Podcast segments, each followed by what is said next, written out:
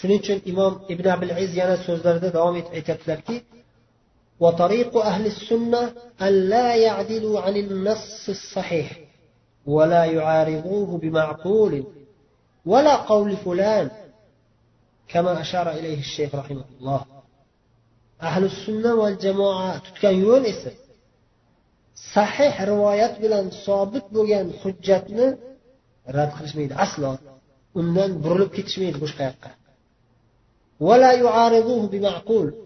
ma'qul aqliy narsa bilan sahih sobit bo'lgan qur'oniy yoki hadisiy hujjatga qarshi qilishmaydi qarshi chiqishmaydi ya'ni aqlni hech qachon qur'oni hadisga teskari qilib qo'yishmaydi vala qavli fulan falonchi pistonchi deb falonchi pistonchilarni so'zini hujjat ham qilishmaydi olloh va allohning rasulining so'zi hujjat bo'ladi. Qolganlarning so'zi agar olloh va rasulining so'ziga qarshi kelmasa olloh va rasulining so'ziga muvofiq kelsa qabul qilinadi bo'lmasa rad qilinadi. Kim bo'lishda qat'iy nazar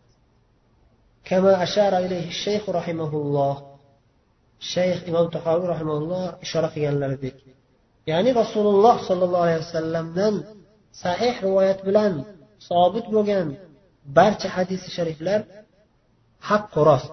Biz ularni barchasini chin qalbimiz bilan haqqu rost deb iymon keltirib qabul qilamiz. Barcha islom ulamolari jumladan to'rtta mazhab imomlari ham doimo ta'kidlab aytishardiki bizning mazhabimiz sahih hadislar deb biz biron bir masalada sahih hadis kelganini bilmasdan sahih hadisga xilof ravishda fatvo berib qo'ysak bizning mazhabimiz sahih hadisdir. sahih hadisga rasululloh sollallohu alayhi vasallamning so'zlariga qur'oni hadisga qarshi bo'lgan fatvolarimizni devorga uringlar uloqtirib tashlanglar degan ma'nolarda ko'pdan ko'p nasihatlarini ochiq oydin bayon qilishgan وكما قال البخاري رحمه الله سمعت الحميدي يقول كنا عند الشافعي رحمه الله فأتاه رجل فسأله عن مسألة إلى آخر القصة imom buxoriy aytganlariday ham deb turib imom buxoriy rivoyat qilgan bir rivoyatni ham keltiryaptilar. U kishi aytadilar imom buxoriy humaydiy ustozim humaydiydan eshitdimki dedilar. Imom humaydiy aytadilar imom shofiiyni huzurlarida o'tirgandik. Imom shofiiy rahimaullohning oldilariga bir odam kelib bir masala so'radi.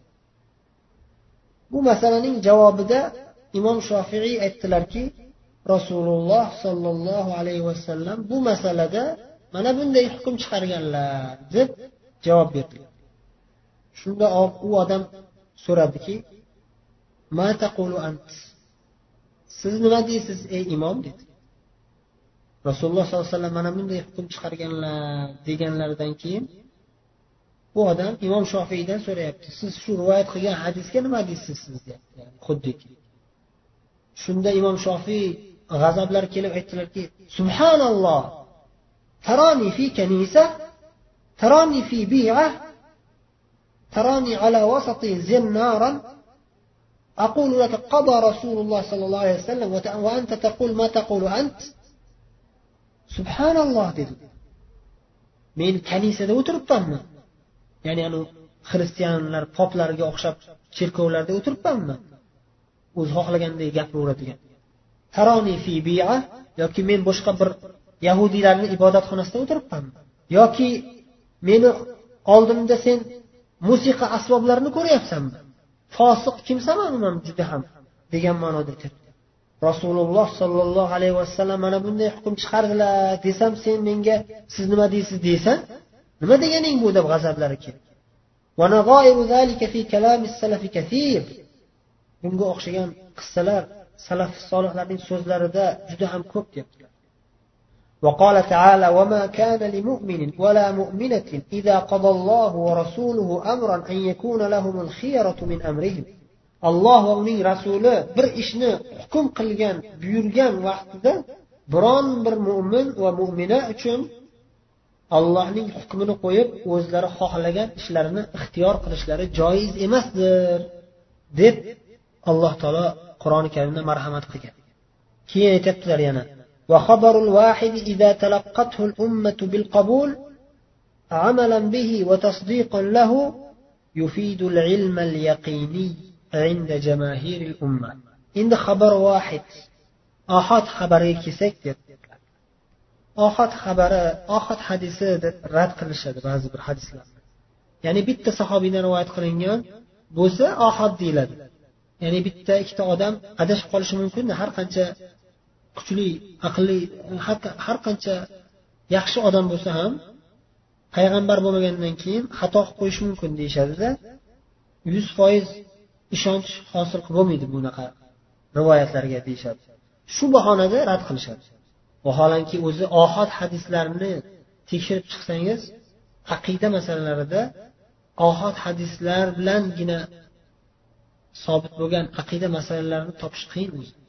Ular davo qilgan aqidaviy masalalarni qaralganda ular mana shu masala bu ohod masala bilan kelgan ohod hadislarda kelgan bu mutavotir emas deb davo qilgan masalalarning aksariyatini tekshirib qaralganda mutavotir hadislar bilan balki qur'oni karimda ishoralari kelgan masalalar bo'lib chiqadi. Biz o'tgan darslarimizda birda ham aytgandik adashmasam ular ba'zi bir masalalarni ohod hadis deb allohning ba'zi bir sifatlarini ohod hadis bu deb turib rad qilishgan. Vaholanki o'sha hadislar mutavotir hadislar. Masalan alloh taolo kechasining uchdan bir qismi qolganda birinchi osmonga tushib kim menga duo iltijo qiladi deb aytishligi. Ya'ni kechasining uchdan bir qismi qolganda birinchi osmonga tushishligini bular aqlga to'g'ri kelmaydi alloh taolo qanday tushadi degan davo bilan rad qilishgan sahih hadisni biz ahli sunna va jamoa sahih hadis bo'ldimi? Bo'ldi. Ohod bo'lsa ham mutavotir bo'lsa ham iymon keltiramiz deymiz. Lekin ayni shu masalaga kelsak misol uchun bu masala o'zi mutavotir hadis bilan sobit bo'lgan. Faqat mutavotir ikki qismga bo'linadi. Hozir aytamiz. Mutavotir lafziy bor mutavotir ma'naviy bor. Ya'ni lafzlari bilan ayni shu lafz bilan kelgan hadislar bir necha sahobiylardan rivoyat qilingan bo'lishi kerak. O'shanda mutavotir bo'ladi deyilsa u mutavotir lafziy bo'ladi. Lekin bir xil ma'noga olib boradigan hadislar bir qancha hadislar bor ma'nolari bir biridan farqli lekin ifoda etadigan narsasi bir xil narsaga borib taqaladi bir birini qo'llab quvvatlaydi bir biriga hech qanday qarshiligi yo'q bo'ladi. Bunaqa hadislar ham mutavotirga kiradi. Mutavotir ma'naviy bo'ladi. Chunki qur'oni karim hadis shariflar doimo bir birini qo'llab quvvatlaydigan ma'nolar bilan keladi. Shunga binoan allohning ism sifatlarining hammasi mutavotir suratda sobit bo'lgan. Mutavotir hujjatlar bilan sobit bo'lgan. Ba'zi bir hadislarda mutavotir bo'lmasa umumiy sifat baribir mutavotir bo'ladi. Yoki ochiq oydin qur'onda aytilgan bo'ladi. Mutavotirdan ham baland. Shuning uchun birinchidan ohod hadis deb ohod hadis deb davo qilishganda ohodmi ohod emasmi bu masalada tekshirish kerak. Ularni davosi to'g'ri bo'lavermaydi. Ular ohod deb davo qilgani bilan u mutavotir bo'lib chiqadi ko'pincha. Ikkinchidan ohod hadis bo'lgan taqdirda ham aytyaptilar. Ummat ya'ni islom ummati birinchi o'rinda ulamolar ya'ni ulamolarni orqalaridan islom ummati ergashadi. Islom ummati qabul qilgan hadis bo'lsa ohod bo'lsa ham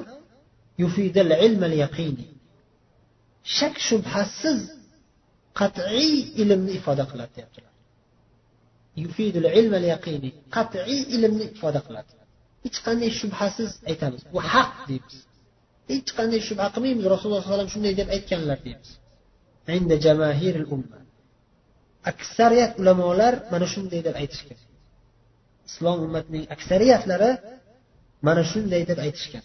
Ummat agar qaysiki bir hadisni qabul qilsa agar bu hadis muohad hadis bo'lsa ham mutavotir darajasiga ko'tariladi deb aytishgan. Ikkita mutavotirning ikkita qismidan biri mana shu deyaptilar. Ya'ni mutavotir ma'naviyga ko'tariladi. Ma'naviy mutavotir bo'ladi. Lafziy jihatdan ohod hadis bo'lsa ham lekin ma'nosi boshqa barcha hadis shariflarga qarshi kelmaganligi uchun va umumiy islomiy qoidalarga qur'on hadis qoidalariga to'g'ri kelganligi uchun muvofiq kelganligi uchun qabul qilinadi ولم يكن بين السلف الأمة في ذلك نزاع yana bitta sharti ya'ni shu qat'iy ilm deb qabul qilinishi uchun mutavotir darajasiga ko'tarilishi uchun yana bitta sharti islom ulamolarini o'rtasida salaf solihlarni o'rtalarida ixtilofli masala bo'lmasligi kerak. Ixtilofli masala bo'lsa biz aytamiz bu ixtilofli masala. Qat'iy bir narsa deb hukm chiqara olmaymiz. Yo u qavl to'g'ri yo bu qavl to'g'ri. Ixtilofli masala. Biz rojihi mana bu deyishimiz mumkin lekin qat'iy suratda mana shu bitta mana shuni qabul qilish kerak. Boshqa ulamolar aytgan gap qabul qilmaslik kerak deyolmaymiz chunki islom ulamolari bular ba'zilari bo'lsa ham ya'ni kamchilik ulamolar misol uchun qarshi chiqib aksariyat ulamolarni gapiga e'tiroz bildirishgan bo'lsa ham lekin baribir ixtilof bo'ldimi ikki tarafda ham islomdan qur'oni hadisdan hujjat bormi bu yerda qat'iy ilm ifoda qiladi ayni shu masala deb bir tomoniga o'tib ketmaymiz. Yuz foiz ya'ni. Qaysidir bir qavlni rojihroq deb aytamiz aytishimiz mumkin lekin yuz foiz qat'iy mana shu qavl ustun turadi deb aytolmaymiz ammo islom ulamolari xususan salaf solihlar ittifoq qilgan masala bo'lsa va o'sha masalaga muvofiq kelgan hadis bo'lsa bu hadis mutavotir ma'naviy darajasiga ko'tariladi deyapmiz. Umar ibn hattob roziyallohu anhu. Xuddi umar ibn hattob roziyallohu anhu rivoyat qilgan hadisga o'xshab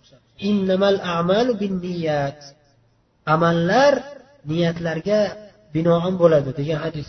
Bu hadis sharif umar roziyallohu anhudan kelgan. Bitta umar roziyallohu anhu rivoyat qilgan bu hadisni. Ayni shu lafz bilan. Shu jihatdan bu ohod hadis. Lekin buni butun islom ummati qabul qilgan hadis. Butun islom ummati qabul qilishgan bu hadisni shuning uchun bu mutavotir ma'naviy ma'naviy jihatdan mutavotir darajasiga ko'tariladi. Yana abu hurayra roziyallohu anhu rivoyat qilgan hadis keltiryaptilar. لا تنكح المرأة على عمتها ولا على خالتها. hech qaysi bir ayolni ammasini ustiga nikoh qilib olish mumkin emas. Vala ala xolatiha xolasini ustiga ham nikoh qilib olish mumkin emas. Ya'ni bir odamni bir ayoli bor. Ikkinchi ayol olmoqchi ikkinchi xotin olmoqchi. Ikkinchi xotin olmoqchi bo'lganda ayni shu o'zining ayolini ammasini yoki xolasini olishi mumkin emas. Xuddi singlisini olishi mumkin emas bo'lgandek singlisini olishi mumkin emasligi qur'onda aytilgan. Lekin ammasini xolasini olishligi mumkin emasligi hadisda kelyapti. Bu narsa ham ulamolar butun islom ulamolari ittifoq qilgan. Shuning uchun bu ham qat'iy ilmni ifoda qiladi. Bu ham qat'iy hukm. Har bir inson musulmon odam albatta bunga rioya qilishi kerak. لا تنكح المرأة على عمتها ولا على خالتها ayol o'zining ammasi ustiga nikoh qilinmaydi ya'ni bir ayolni olgan bo'lsangiz shu ayolni singlisini qizini olishingiz ham mumkin emas shu ayolni ukasini yoki akasini qizini olishingiz ham mumkin emas ikkinchi yo uchinchi yo to'rtinchi xotin qilib olish mumkin emas وكقوله صلى الله عليه وسلم يحرم من الرضاع ما يحرم من النسب يعني xuddi shuningdek nasab jihatidan harom bo'ladiganday emishlikdan ham harom bo'ladi nasab jihatdan nima harom bo'lsa emishlikdan ham shu narsa harom bo'ladi degan hadis sharif ya'ni nasab jihatdan harom bo'lgan narsalar misol uchun bir ayolning o'g'li unga mahram bo'ladi o'zi tuqqan farzand Endi shu ayol boshqa bir farzandni emizsa u farzand ham xuddi o'g'lidek bo'ladi. Harom bo'lishlik jihatidan mahram bo'lib qoladi. Shu ayolga mahram bo'ladi. Va shu ayolning farzandlariga ham mahram hisoblanadi. Va shunga o'xshagan hadis shariflar. Ittifoq qilingan bo'lsa islom ummati ittifoq qilgan hadislar bo'lsa va bu hadislarning hukmi bil ittifoq qabul qilingan hamma ulamolar bir ovozdan qabul qilgan hadis bo'lsa bular mutavotir darajasiga ko'tariladi وهو نظير خبر الذي أتى مسجد قباء وأخبر أن القبلة تحولت إلى الكعبة فاستداروا إليها shunga o'xshash yana qubo masjidiga kelib bir sahobiy qubo masjidida namoz o'qiyotgan sahobiy kiromlarga qibla kabatullohga burildi baytul maqdisdan kabatullohga burildi deb xabar berganlarida namoz o'qiyotgan sahobiylar bu odamning xabariga binoan darhol namoz o'qib turishgan zahoti o'sha namozni ichida kabatullohga burilishadi bitta odamni xabarini e'tiborga olib qabul qilib kabatullohga burilishgan وكان رسول الله صلى الله عليه وسلم يرسل رسله آحادا rasululloh sollallohu alayhi vasallam ham islom da'vatini yetkazish uchun turli xil mintaqalarga da'vatchilarni yuborganlarida bitta bittadan sahobiylarni yuborganlar. Bitta sahobiy yoki ikkita sahobiy yuborganlar. Ko'p ko'p sahobiylarni yuborib mutavotir bo'lishi kerak degan narsa bo'lmagan. Bitta ishonchli taqvoli iymonli sahobiyni yuborganlar va shu bilan o'sha tomondagi odamlarga hujjat qoyim bo'lgan. Iymon keltirish farz bo'lgan. O'zlari yozib xat yozib maktub yo'llab bitta bitta sahobiylardan ham yuborganlar kisroga heraqlga va hokazo ولم يكن المرسل إليهم يقولون لا نقبله لأنه خبر واحد ularga yuborilgan odamlar ya'ni o'sha payg'ambarning da'vati yetib borgan shaxslar hokimlar rahbarlar qabilalar birontasi aytmas ediki san bitta odamsan san ohadsan san san olib kelgan bu xabar bu hadis bu rivoyat qabul qilinmaydi deyishmasdi chunki bu aqlga ham to'g'ri kelmaydi وقد قال تعالى هو الذي أرسل رسوله بالهدى ودين الحق ليظهره على الدين كله darhaqiqat alloh taolo aytganki deyaptilar imom ibn abil aziz oyat keltirib u zot alloh subhanaa taolo o'zining rasulini yubordi bilhuda va dinil haq hidoyat bilan haq din bilan yubordi nimaga? Boshqa barcha dinlar ustidan g'olib qilish uchun izhor qilish uchun haqligini ko'rsatish uchun yubordi.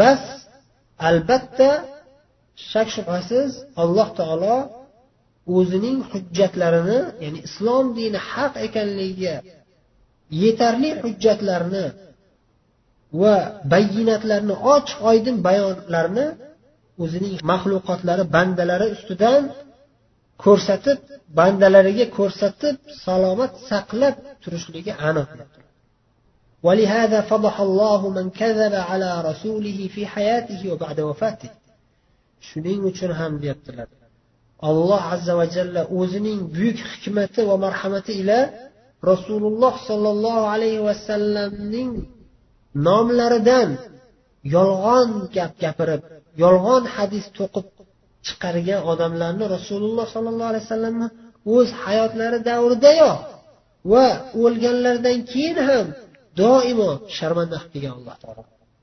Payg'ambarimiz hayotlik davrlarida ham sharmanda qilgan payg'ambarimiz sollallohu alayhi vasallam o'lib ketganlaridan keyin ham to'qima hadislarni rivoyat qiladigan to'qima hadislarni paydo qiladigan kimsalarni olloh sharmanda qilib bunday kimsalarni yolg'onchi kazzob kimsalarni alloh taolo odamlariga holini ko'rsatib qo'ygan sharmanda qilib qo'ygan. Qola sufyan ibn uyayna. Buyuk imom muhaddis imomlardan birlar aytadilar hadis rivoyat qilishda yolg'on gapirgan kimsalardan birontasini alloh taolo o'zining sitrida qoldirmagan sharmandasini chiqargan yolg'onchi ekanligini ko'rsatib qo'ygan deyaptilar وقال عبد الله بن المبارك bu kishi ham eng buyuk muhaddis va eng buyuk ulamolardan aytadilar لو هم رجل في أن يكذب في الحديث لأصبح والناس يقولون فلان كذاب فلان كذاب qaysiki bir odam hadisda yolg'on gapirmoqchi bo'lib yolg'on gapirmadi hali Yolg'on hadis gapirmadi hali. Yolg'ondan to'qimoqchi. Shunga qasd qildi. Agar shunga qasd qilsa hali yolg'on gapirmasidan turib hatto alloh taolo shunday taqozo qilib qo'yadiki odamlar e falonchi yolg'onchi falonchi kazzob deb hamma yoqda uni yolg'onchiligi mish mishi uni yolg'onchiligi xabar tarqab ketib qoladi deyaptilar. Ya'ni shu darajada olloh tez sharmanda qiladi. Ya'ni alloh taolo rasululloh sollallohu alayhi vasallamni nomlaridan yolg'ondan hadis to'qiydigan kimsalarni o'zini ham to'qigan hadisini ham yolg'on ekanligini sharmanda qilib qo'yadi. Ko'rsatib qo'yadi. Alhamdulillah bu tarixda ko'rilgan va hozir ham bu narsa ochiq oydin ma'lum hammaga. Bir kishi yolg'ondan bir hadis to'qisa darhol ulamolar uni sharmanda qilishadi. darhol ulamolar bayon qilishadi bu hadis yolg'onlik yolg'on hadis san'atsiz hadis rivoyat qilgan odamni tobiinlar davridan hatto ulamolar rad qilishadi ya'ni abdulloh muborak aytadilar bu kishi taba tobiinlardan eng katta taba tobiinlardan al isnadu min ad-din فلولا الإسناد لقال من شاء ما شاء san'at bilan rivoyat qilish bu dindan hisoblanadi Chunki san'at bilan rivoyat qilish bo'lmasa xohlagan odam xohlagan narsasini gapirib yuboraverardi qur'onda mana bunday deyilgan hadisda mana bunday deyilgan deb o'zidan to'qib yuboraverardi. Nimaga desa hech kim isbotlab berolmaydi yolg'onligini deydi. Lekin voqeda unday emas. Alhamdulillah ulamolar sanatsiz rivoyatchilarsiz sahih rivoyatchilarsiz kelgan hadisni umuman qabul qilishmaydi. Balki yolg'on hadis ekanligini isbotlab berishadi. Botil hadis ekanligini isbotlab berishadi. Alhamdulillah bu borada juda ham ko'pdan ko'p kitoblar yozilgan va batafsil mufassal bayon qilingan. Bu haqida imom ibn abil is ham yana sharhlarda davom etib bayon qilganlar. Lekin adashgan toifalarning achinarli ahvollaridan biri shuki ular ohad hadis deb turib ohad hadisni rad qilib tashlashadi. Sahih hadis bo'lsa ham va mutavotir hadisni o'zlarining aqliy da'volariga to'g'ri kelmasa boshqa ma'nolarga burib tashlashadi. Shu achinarli holatlarga qo'shimcha yana bir achinarli holatlari ba'zida o'zlarini aqliy dalillarini yanada isbotlash uchun odamlarni shu aqliy dalillari bilan qondirish uchun qoniqtirish uchun allaqaydagi odamlarni gapini hujjat qilishadi. Ba'zi bir johiliyatda o'tgan shoirlarni gapini hujjat qilishadi. Ba'zi bir nasroniy arablarni she'rini ba'zida hujjat qilib ketib qolishadi lug'aviy jihatdan dalil qilib. To'g'ri dindan deb hujjat qilishmasa ham lug'aviy jihatdan deb hujjat qilib keltirishadi o'zlaricha. Hayron qolasiz. Ya'ni mana shunaqa odamlarni gapini e'tiborga olar ekansan sahih hadislar bilan sahih rivoyatlar bilan sobit bo'lgan hadisni nimaga qabul qilavermaysan ba'zida umuman zaif hadisni ham o'zlarini aqllariga to'g'ri kelganligi uchun yo bu sahih hadis deb turib qabul qilishadi. Vaholanki umuman zaif balki botil hadis bo'lib chiqadi. Chunki ular sahih zaif o'zi ajrata olmaydigan johil odamlar. Ular umrini bema'ni falsafiy gaplar bilan umrlarini o'tkazishadi. Ammo qur'oni karim hadis shariflarni sahih buxoriy sahih muslimlarni umuman o'qib o'tirmasdan ustidan hukm chiqaraverishaveradi o'ylab o'ylamasdan. Endi imom tahoviyning so'zlarida imom tahoviy o'zlarining so'zlarida yana bir narsaga ishora qilib o'tdilar. Shariat va bayon deb aytdilar.